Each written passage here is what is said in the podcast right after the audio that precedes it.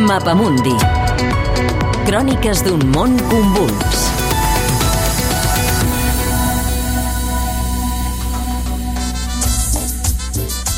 Mares a Centroamèrica, fugint de la violència total. Eh, Mi nombre es Hugo Aguilar, eh, soy salvadoreño. Tengo actualmente un año ya de, de estar acá en, en Barcelona, en Cataluña. Eh, he sido víctima de la situación de las maras, de la situación de inseguridad. El govern espanyol denega, en termes generals, les sol·licituds de protecció internacional de les persones que fugen d'aquests països per persecució per les mares, ja que ho considera delinqüència comuna.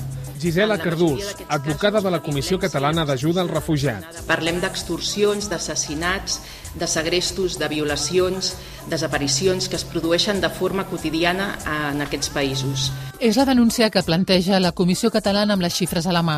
Mentre la caravana d'immigrants de Centroamèrica omplia titulars intentant arribar als Estats Units, En medio de la noche y bajo una fuerte lluvia, cientos de hondureños partieron la noche del 14 de enero del 2019. Están determinados a escapar de la violencia de nuestro a país. Espanya, des del 2017, s'han disparat les peticions d'asil de ciutadans del Triangle Nord integrat per alguns dels països més violents del món, Honduras, El Salvador i Guatemala. I aquest creixement és cada cop més intens. Agafem, per exemple, el cas d'Honduras. L'any 2018, Espanya va rebre 2.410 sol·licituds d'asil de ciutadans d'Honduras, gairebé el triple que el 2017. Fins al juny del 2019 ja s'han rebut 3.212 peticions, 800 més que tot l'any passat. La mateixa justícia espanyola no es posa d'acord. La secció segona de l'Audiència Nacional va reconèixer fa dos anys que aquests països viuen una situació de conflicte intern generalitzat on l'Estat no pot protegir els seus ciutadans. Però poc després, una altra secció de l'Audiència va dictaminar el contrari.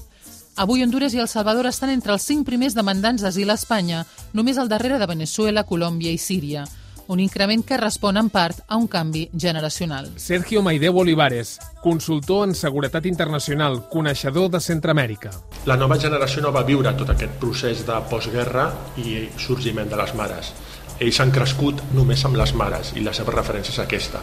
Aquí s'ha produït un, un canvi de xip que ha fet que molts considerin que no han de permetre i han d'assumir una situació de violència que és inassumible.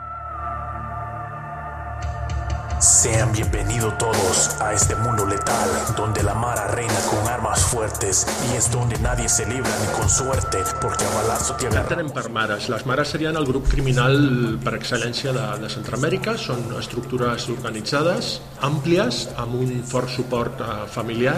La Salvatrucha i la 18 són les mares més grans i poderoses del Triangle Nord. No hi ha xifres oficials, però són milers de membres. Tot i que s'estan obrint altres línies de negoci com el narcotràfic o el tràfic de persones, la seva principal font d'ingressos continua sent l'extorsió. Primero, bueno, mi familia eh, teníamos un pequeño negocio familiar. Fuimos víctima con el cobro de la renta. La renta es una especie de, de impuesto, ¿no? Para poder caminar, trabajar. Empezamos pagando 150 dólares. Luego esta cuota aumentaba, aumentaba. Els 150 es van convertir en 1.300 dòlars. Al mateix temps, Lugo rebia constantment trucades amenaçadores i l'assetjaven a la feina. Va dir prou el dia que subtilment li van recordar que la seva filla s'estava fent gran. És un clima constant de pressió i terror, explica, al teu voltant. Es difícil. Es difícil ver, por ejemplo, que la persona con el que pequeño jugaste fútbol ahora sea el jefe de una clica, sea el palabrero de una mala. O ver que el amigo de tu hijo, al cual veían televisión, jugaban Nintendo en la casa, de repente ya lo ves vestido completamente diferente, con un corte y tatuado. Sea, te quedas como, ¿qué pasó aquí? A veces señalan y culpan nuestra forma de vida, pero en realidad esta fluida es para el más fuerte, donde el débil se merece la muerte. La desigualtat fomenta el ressentiment. La pobresa i la ignorància faciliten el reclutament d'adolescents. La corrupció bloqueja la lluita contra unes organitzacions que contaminen institucions, forces policials i el mateix govern. Estem parlant de tres països on pràcticament tots els presidents democràtics en els darrers 20 anys o estan a la presó, o estan fugits, o estan sent investigats per la justícia. Per tant, com, com pot eh, la població civil fer front a una situació d'inseguretat quan és impossible que puguis creure en el, en el teu propi govern? Segons Inside Crime, als tres països del Triangle Nord van morir assassinades gairebé 11.000 persones l'any passat. Només a El Salvador van ser 3.340 homicidis, amb un índex d'impunitat del 90%. Les agressives mesures del nou president Nayib Bukele han rebaixat la xifra, però estem parlant de 51 assassinats per cada 100.000 habitants, cinc vegades més que el llindar que fixa l'ONU per considerar que una societat viu una epidèmia de violència. Saludos para todos los que escuchan este mensaje de muerte por parte de la gran Mara Salvatrucha, Uniones Locotes Salvatrucha. És un reportatge de Cèlia Sarnades amb el muntatge de Jordi Galbany, disponible al podcast del Mapamundi.